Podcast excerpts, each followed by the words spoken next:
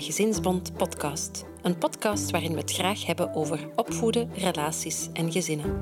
Ik ben Marijke, educatief medewerker bij Gezinsbond en mama van twee lieve, energieke jongens. Wat wens jij voor je kinderen? Dat ze gezond en gelukkig zijn? Gezondheid, mentale gezondheid, weerbaarheid, veerkracht. De rekker rekt en dan misschien niet meer. Hoe kan je als ouder of grootouder je kind of kleinkind ondersteunen en helpen om die veerkracht in zichzelf te laten groeien? In deze reeks van Gezinsband Podcast gaan we in gesprek met enkele experten over geluk en veerkracht. In de aflevering van vandaag hebben we het over veerkracht bij kinderen van lagere schoolleeftijd, tussen 6 en 12 jaar ongeveer.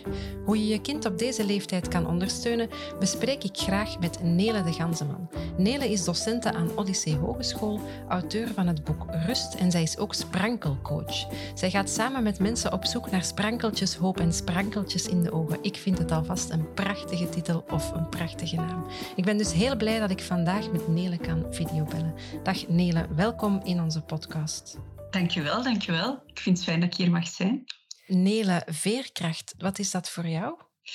Ja, veerkracht, daar wordt vaak zo gerefereerd naar het beeld van zo, een veer die dat kan uittrekken en die dan weer op zijn, op zijn plaats komt hè, nadat er iets is gebeurd.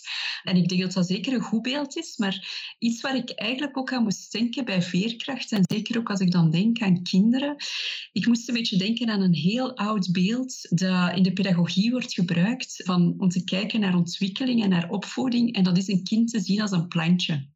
Een plantje dat je water geeft, een plantje dat je wat extra voeding geeft en een plantje dat je eigenlijk laat groeien. Dat is zo echt ja, Rousseau heeft dat ooit eeuwen geleden zo omschreven. En eigenlijk vind ik dat nog altijd wel van toepassing. Mhm. En ik denk zeker op de generatie ouders dat wij momenteel zijn, ik reken mezelf daar ook bij, ik denk dat wij heel veel doen om onze plantjes, onze kinderen te laten groeien.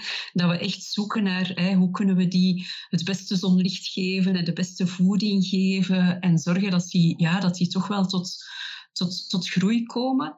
En ik denk dat veerkracht er dan mee te maken heeft met die momenten dat, ja, dat een plantje dan niet volle licht krijgt of niet de beste voeding krijgt. Of dat je toch niet ja, een moment niet, niet het water geeft dat je zou willen geven, bij wijze van spreken, aan je kind.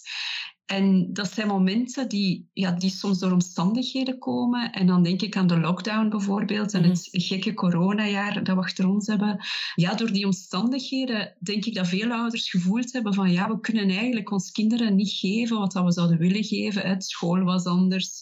Herinner je nog dat thuisonderwijs? Dat was niet evident. De hobby's waren veel minder. Waardoor dat je zo het gevoel had van we moesten van alles gaan combineren ook thuis. Waardoor je het gevoel had van oh, ik kan mijn kind niet altijd geven wat ik zou willen geven. En waardoor dat, denk ik, veel ouders ook ongerust zijn over de veerkracht van hun kinderen. Omdat wij, denk ik, wel generatie ouders zijn. Ik denk zeker ook de ouders die naar deze podcast luisteren. Anders zouden niet naar deze podcast luisteren. En dat we bezig zijn met opvoeding, met het laten groeien van die plantjes. Dat we daarmee stilstaan en daarover nadenken. En ik denk, en ik merk dat bij mijn eigen kinderen en ook andere kinderen dat ik begeleid, of kinderen van vrienden, van familie, ik denk dat die plantjes, dat onze kinderen zijn, dat die eigenlijk wel wat kunnen hebben. Ja. Ik denk dat veerkracht er ook in bestaat, van dat je dat plantje, als dat door omstandigheden, door de lockdown bijvoorbeeld, even wat minder aandacht heeft gekregen. Ik merk bij veel kinderen dat het lastig is geweest, dat het moeilijk is geweest, maar dat op de een of andere manier geraken kinderen toch tot groei. Dus mhm. ik zou veerkracht ook het woord groeikracht willen geven. Hè? De groeikracht die dat kinderen hebben. En ik sta daar wel vaak voor in bewondering. Zeker als, als ik dan kinderen begeleid waar het wat moeilijker gaat. Dat je dan merkt van, ondanks moeilijkheden dat er zijn, dat kinderen zo toch wel ja, tot groei kunnen komen. Ja. Want de lockdown is nu iets dat ons overkomen is, ons allemaal. Soms is dat ook door omstandigheden bij jezelf, dat je kind niet de aandacht kunt geven dat je zou willen, dat je zelf stress ervaart en zo. En eigenlijk merk ik dat kinderen vaak een heel sterke groeikracht in zich hebben. Dus allee, ik zou veerkracht, ik vind dat een heel mooi woord, maar ik vind groeikracht ook een heel belangrijk woord. En dat soms denk ik belangrijk is in opvoeding dat je ook durft te vertrouwen op die groeikracht van je kind. Mhm. En ook te, durft te vertrouwen op die groeikracht van jezelf als ouder ook en van jezelf als gezin. Ja, ik herinner me, wij hadden op kot zo een plant in de keuken of in de gemeenschappelijke ruimte staan die eigenlijk ja, door door niemand echt water kreeg. En toch bleef die groeien, die plant. Die, die had altijd... Die haalde zijn vocht uit de lucht of zo, of ik weet niet van waar. Dus eigenlijk, ik moet er nu ineens aan denken dat wat geen pleidooi is om je kinderen niet te verzorgen.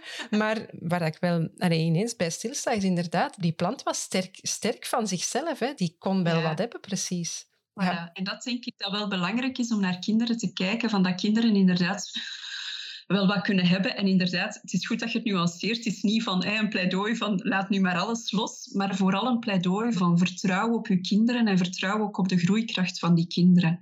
En om dan nog even in de metafoor van de planten ook te blijven, wat dat daar denk ik ook heel belangrijk is, is de fond, de aarde waar dat een kind ook in groeit. Dat is denk ik de warmte dat je in je gezin hebt, de geborgenheid dat je in je gezin hebt. En dat geeft, de, want we hebben het nu over lagere schoolkinderen, maar dat geeft eigenlijk al meestal van bijgeboorte mee. En die fond, als die fond op zich goed zit, en ook dat kan wel wat hebben, maar zo die fond is denk ik een hele belangrijke. En dat is die geborgenheid en die, die warmte. En dan denk ik echt ja, vertrouwen op de groeikracht van een kind. En het kind zal inderdaad, want niet alle planten overleven nee. zonder dat je daar aandacht aan besteedt. Dus het kind heeft dan wat meer nodig dan het ander. Iedereen heeft dat op zijn manier wel wat nodig, zo die extra aandacht.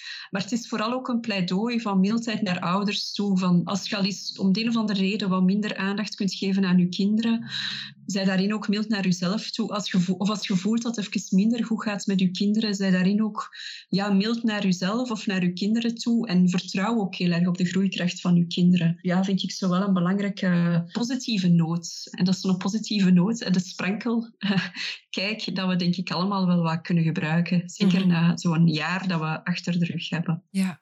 Kan je daar zo misschien nog ergens concreet een voorbeeld van geven, van die groeikracht? Wel, bijvoorbeeld bij mezelf, bij mijn eigen kinderen, als ik het dan ook ik wil het er niet te veel over hebben, maar het is toch wel iets dat we allemaal herkennen, denk ik, zo het afgelopen jaar, de lockdown en alles wat dat daar is uitgekomen. Gans in het begin, toen dat, dat dan de afstandsonderwijs was en dat thuisonderwijs was, dan was dat oké, hoe gaan we dat aanpakken? Maar bij ons in ons gezin hebben wij, ik heb zo nogal een man die dat dan wel vrij snel ook zo positieve erin ziet en zo van oké, we gaan dat samen aanpakken. En voor de kinderen was dat ook echt wel wennen. Maar als ik merk, als ik daar nu op terugkijk, dan heb ik het gevoel dat die ook wel heel erg gegroeid zijn. En het, het fijne is dat ze dat zelf ook aangeven. Want ergens met de paaspauze, als ik mij goed herinner, werd het zo genoemd, toen dat school ook weer even gesloten was, was een van de eerste dingen dat mijn kinderen zeiden van ah ja, dat is wel weer even ambetant, maar dat gaat ons wel lukken. Want vorige keer is dat ons dat ook gelukt. Dus dat gaat ons wel lukken. Dus die kinderen kunnen dat zelf ook wel benoemen van ah ja, dat was lastig, maar dat gaat ons wel lukken. Mhm.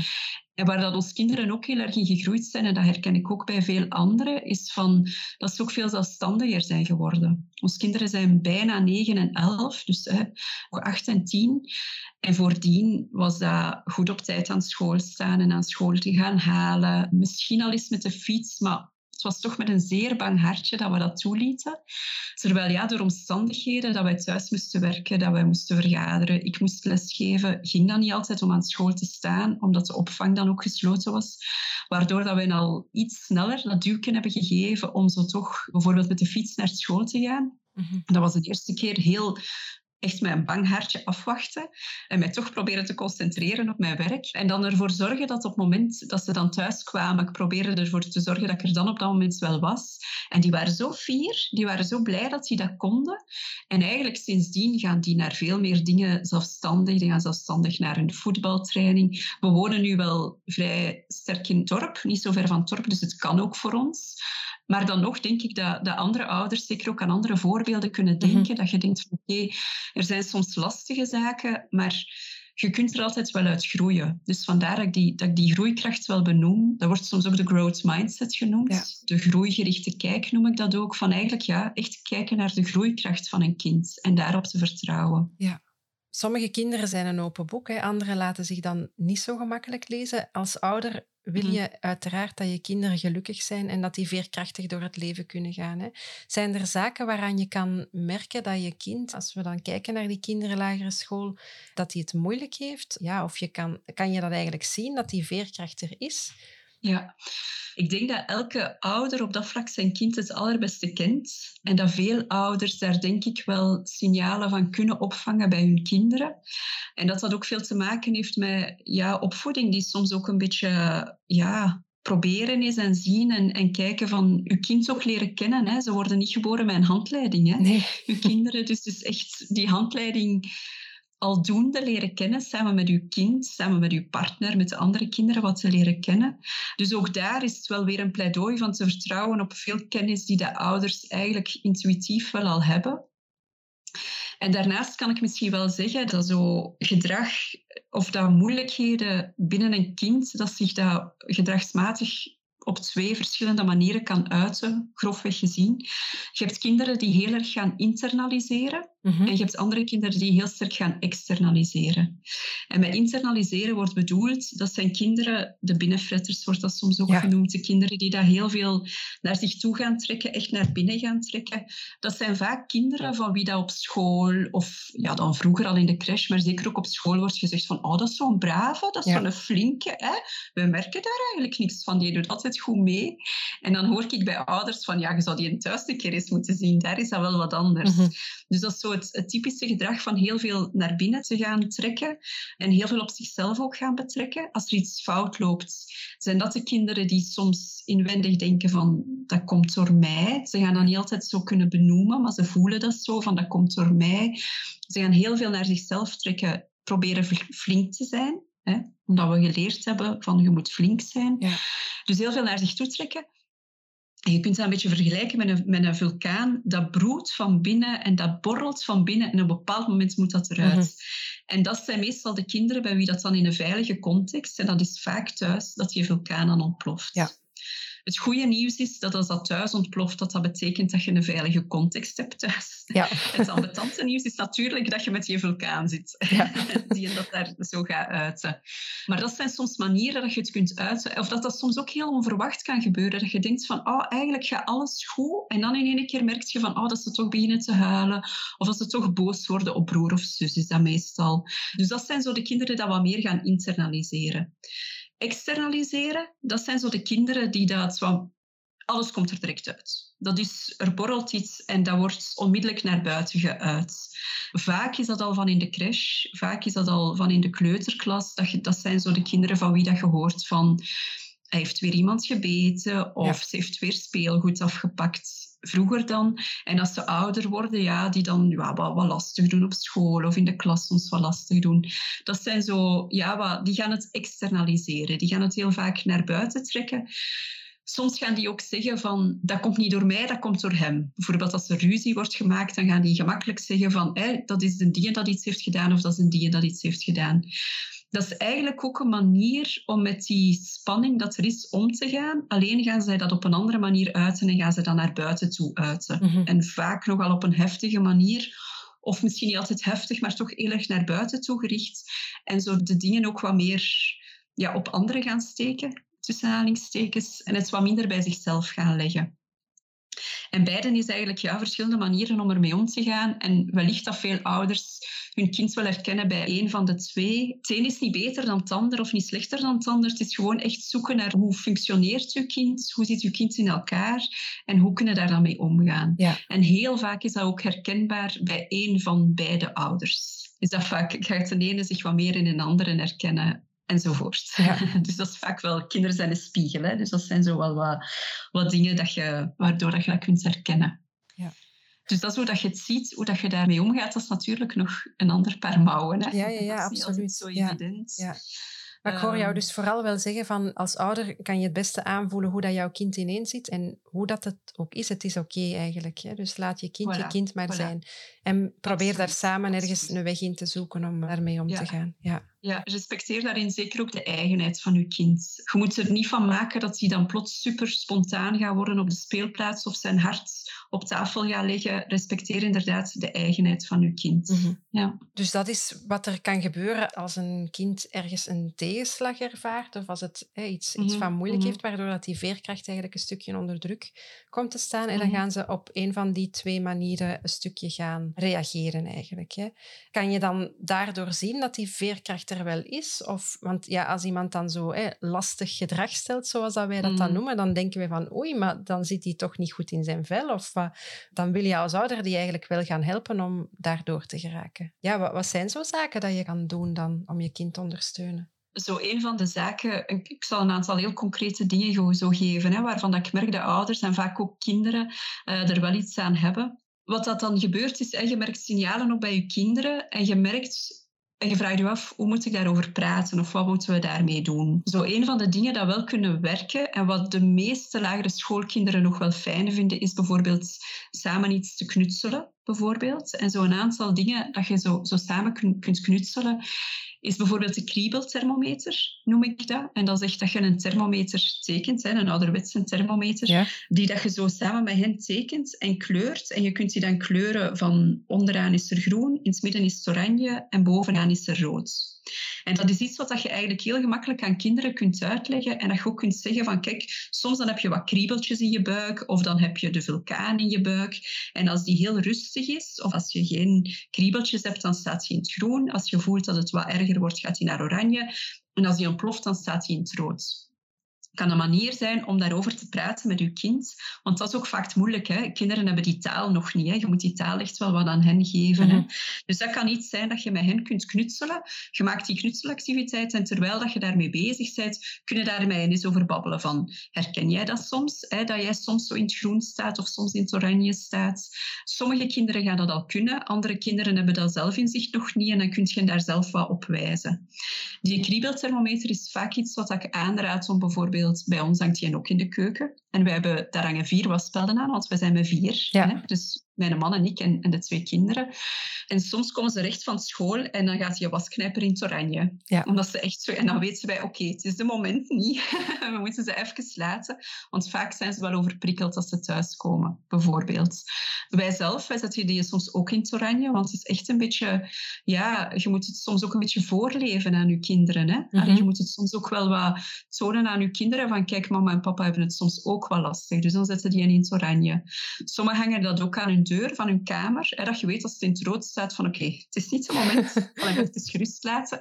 Wat ook goed is, dat kinderen ook die ruimte voor zichzelf opnemen. En op die manier laat zij daarover wat praten. En mijn jongste zoon, die zei zo onlangs van, en dat is eigenlijk echt niet zo'n gemakkelijke prater, maar die zei onlangs van, ah, ik merk als zo mijn thermometer al in het oranje staat en er gebeurt dan iets heel klein, dan gaat hij heel vlug in het rood. Ja. Dus dat is eigenlijk al super flink dat hij daar zo over kan, ja, een beetje over kan nadenken en dat zo kan zeggen. Dus dat is iets wat je met hen kunt knutselen. Iets anders wat ook altijd een groot succes is als ik kinderen begeleid, is het gedachtepotje noem ik dat.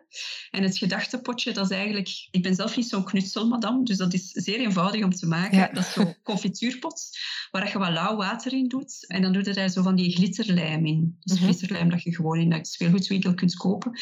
En als je daarmee schudt, dan gaat je lijm... In het begin is dat nog wat raar, maar, in, maar op de duur gaat je lijm zich steeds meer oplossen. En dan zitten daar glittertjes in, zoals dat je zo van die...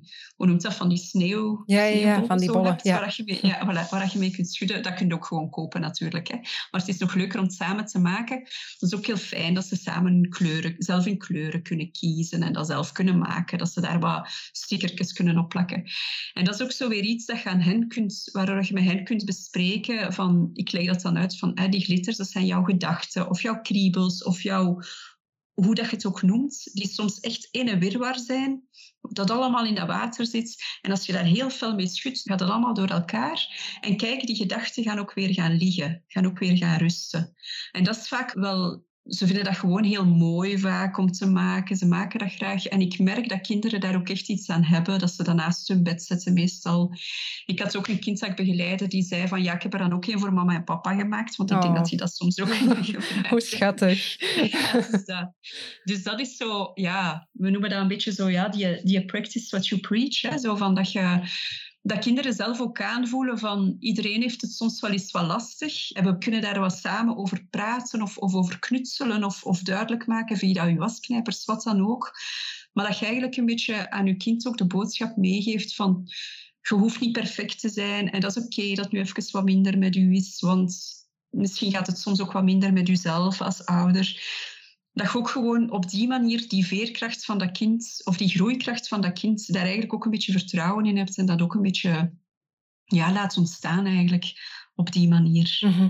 Ja, ik kan me wel voorstellen als je naar zo'n potje aan het kijken bent, hè, dat dat zo terug naar beneden dwarrelt en je blijft daar naar kijken, dat je daar vanzelf al wat rustiger van wordt of zo. Ja, ja. ja dat is zo. Dat is zo. Ja. ja. ik sta er altijd van versteld hoe graag dat ze dat maken en hoe mooi dat ze dat vinden. En dat, in, dat heeft inderdaad iets een beetje meditatief of iets rustgevends. Ja, ja oké.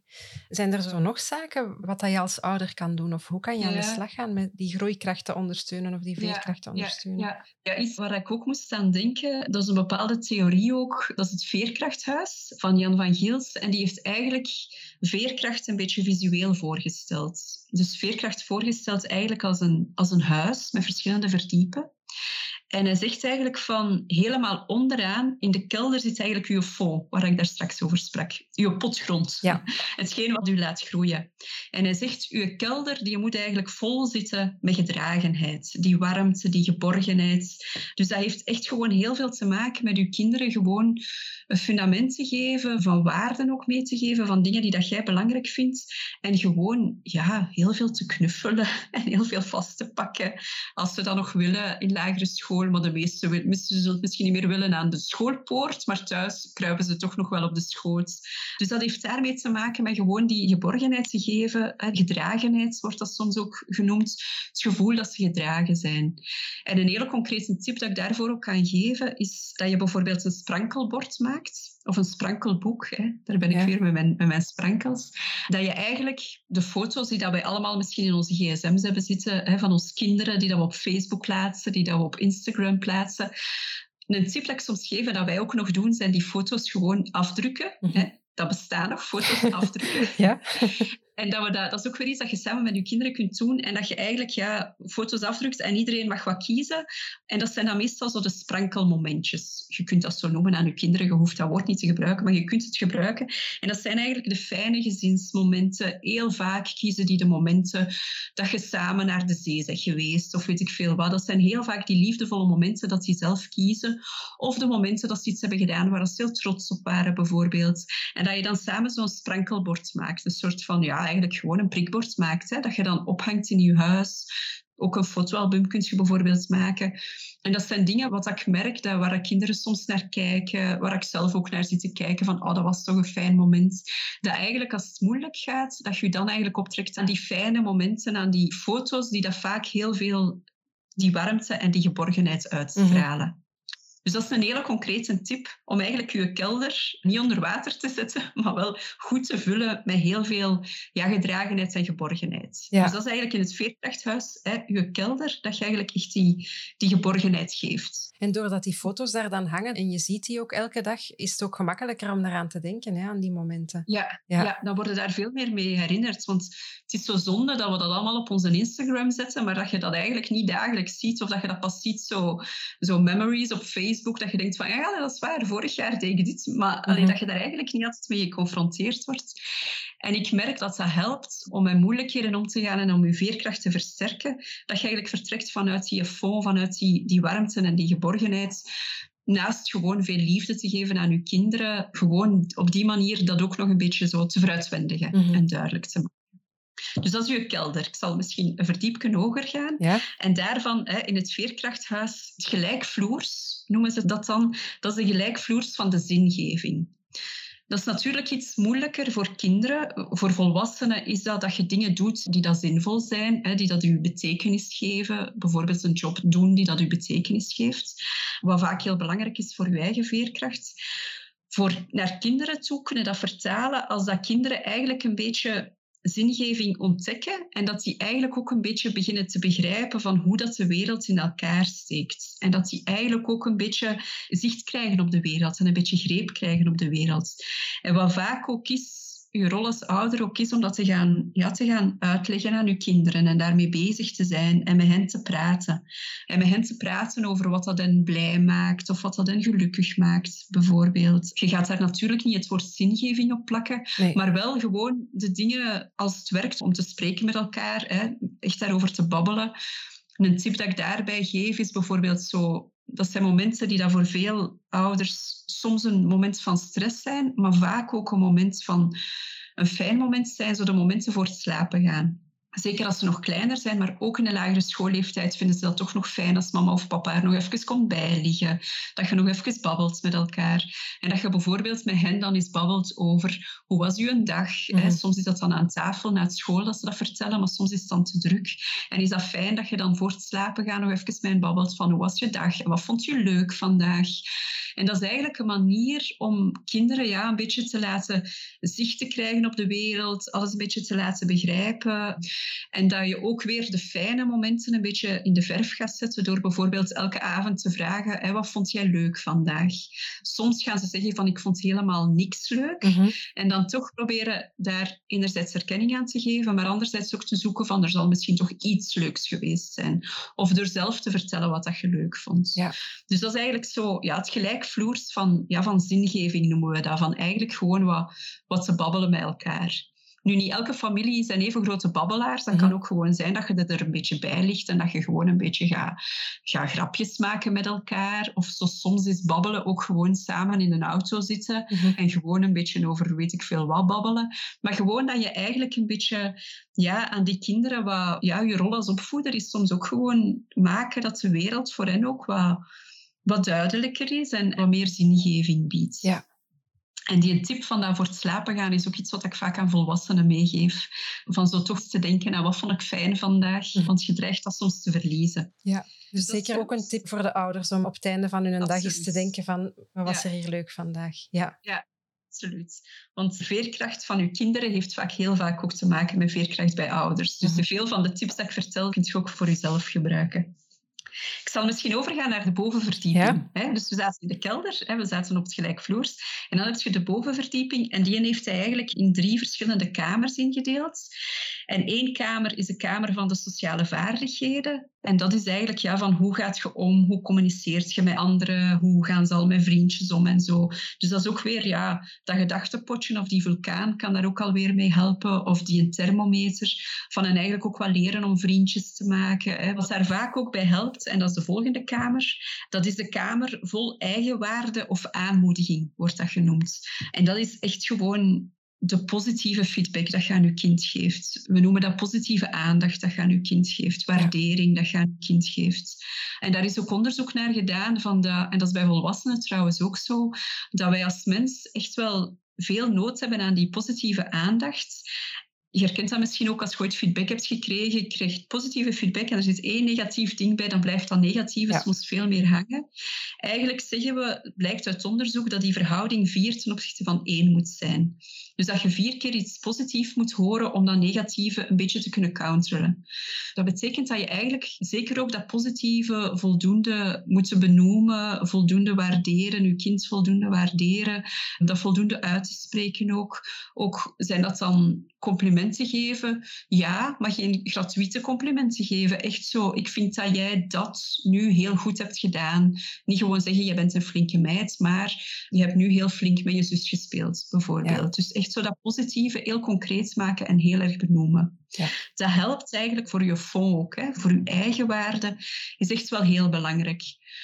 Dus de verhouding is 4 tegenover 1. Dus je kunt zeker ook nog eh, aandachtspunten geven of zeker ook meegeven van wat dat je vindt dat niet oké is. Maar je moet gewoon zien dat het een verhouding is. En die verhouding, hè, dat je eigenlijk toch wel bij wijze van spreken vier keer zoveel iets positiefs zegt tegenover iets negatiefs. Mhm.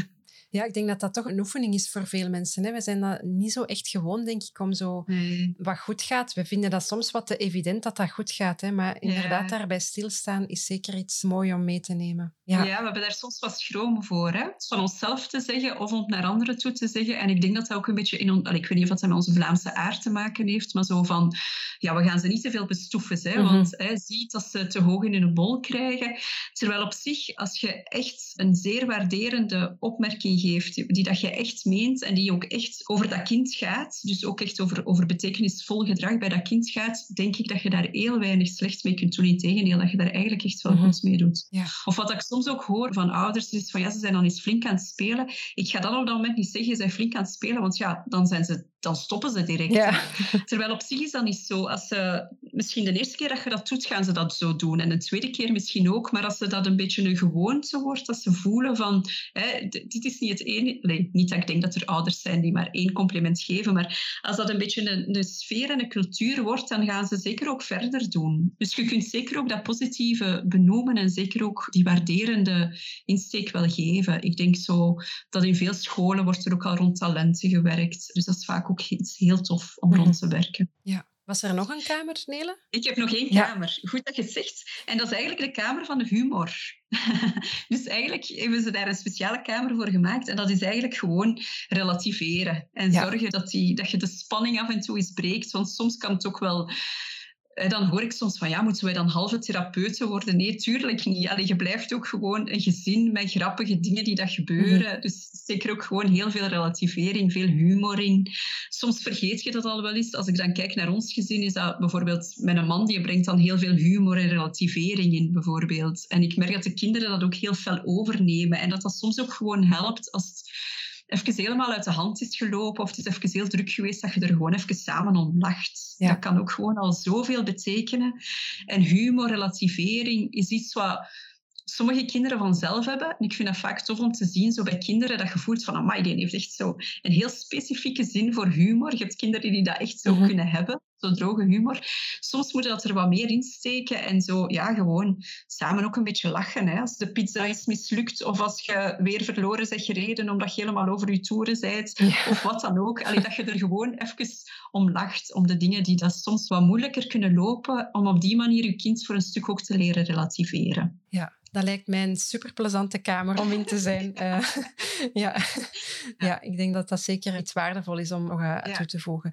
Zijn er nog zaken, Nele, waar dat jij aan dacht of die jij wil toevoegen aan het hele verhaal? Ik denk dat ik al heel veel heb gezegd. Dus ik denk dat ik wel heel wat van die concrete dingen heb gezegd, dat ik vaak ook merk dat mensen wel meenemen.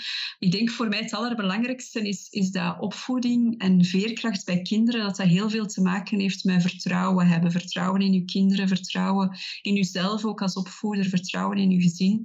En voor een stuk ook loslaten. Want opvoeden is eigenlijk stapsgewijs alsmaar meer loslaten. Ik heb nu een zoon die in het vijfde leerjaar zit. Dat begint al zo richting secundair te gaan. Hè. Ze worden daar al een beetje stilletjes aan op voorbereid.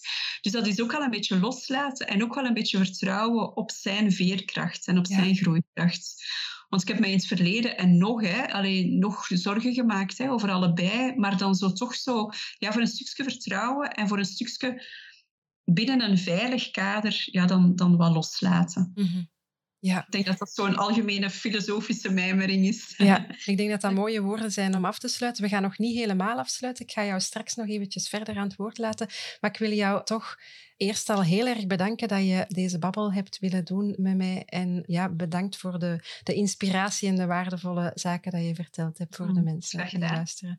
Om af te sluiten gaan wij zelf eventjes tot rust komen, denk ik. Hè? Want dat is ook een van de dingen waar dat jij voor staat. Is zo wat, zal ik het een soort meditatieoefening noemen? Of een soort... Ehm, visualisatieoefening. Een visualisatieoefening. Hè? Dus je hebt een aantal zaken ook op je website. Misschien dat je die ook nog eventjes kan vermelden, Nele, als mensen meer willen weten over jou of uh, meer tips willen, willen te weten komen waar dat ze terecht kunnen? Ja, heel veel van wat ik heb verteld en ook nog veel andere zaken staan in het boek. Dus het boek Rust, 25 manieren om de drukte in je gezin te verzachten.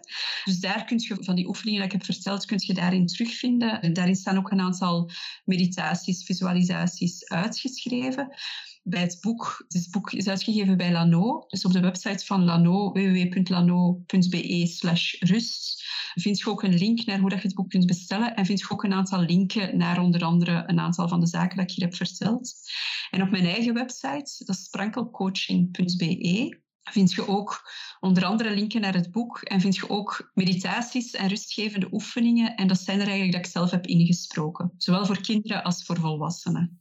Dus dat zijn dingen waar mensen misschien ook eens naar kunnen luisteren. En waarvan dat, dat misschien fijn is dat ik er nu eentje van voilà, Ik denk hè, voor de veerkracht te versterken of voor die momenten dat het dan even wat heviger gaat, hè, terug wat rust vinden, dat dat altijd mooi meegenomen is. Dus we gaan om af te sluiten naar jou luisteren, Nele. Ja.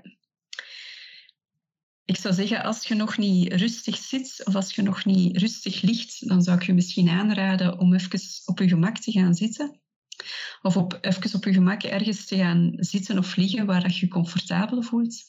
En dan zou ik graag het verhaal van Wondertuin willen voorlezen. Stel je voor dat je op stap bent. Je bent aan het wandelen in een rustige groene omgeving. Je wandelt op een paadje met naast jou mooie bomen en struiken. Je loopt rustig en alleen en bent helemaal op je gemak. Dan sta je voor een poortje. Je had het eerst helemaal niet opgemerkt, want de poort is overwoekerd met klimop en andere planten. Je bent nieuwsgierig naar wat er achter de poort ligt en opent ze heel zachtjes. Ze piept een klein beetje. Achter de poort ligt een tuin met een schitterend grasveld. Het lijkt wel alsof de zon hier extra schijnt, want de grassprietjes blinken in het licht.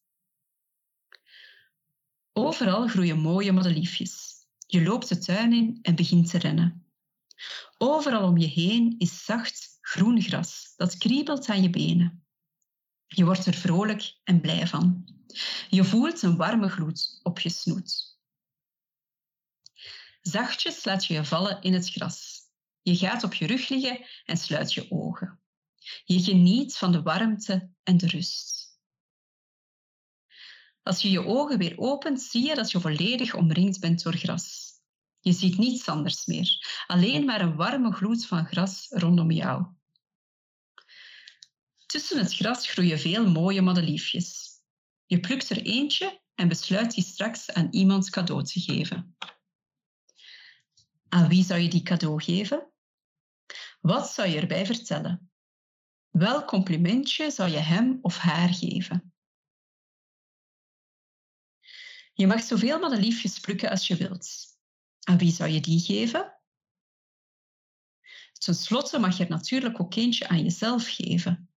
Wat zou je daarbij vertellen? Waarom verdien jij dit madeliefje? Welk complimentje zou je jezelf geven? Nadat je alle madeliefjes hebt geplukt, ga je weer rustig rechtop staan en loop je weer door het piepende poortje. De madeliefjes hou je dicht bij jou. Zo zijn de mensen aan wie je ze wilt geven ook altijd dicht bij jou. Zo, dat was het weer voor vandaag. Wil je in de toekomst nog meer van deze podcast beluisteren? Abonneer je dan in je favoriete podcast-app en mis geen enkele aflevering van Gezinsbond Podcast. Laat ons weten wat je ervan vindt via een recensie in je favoriete podcast-app of stuur een mail naar podcast.gezinsbond.be. Wil je op de hoogte blijven van de laatste updates? Volg ons dan ook op Facebook en Instagram. De hele reeks van Veerkracht kan je ook volgen en terugvinden op goedgezind.be. Bedankt om te luisteren en tot de volgende keer.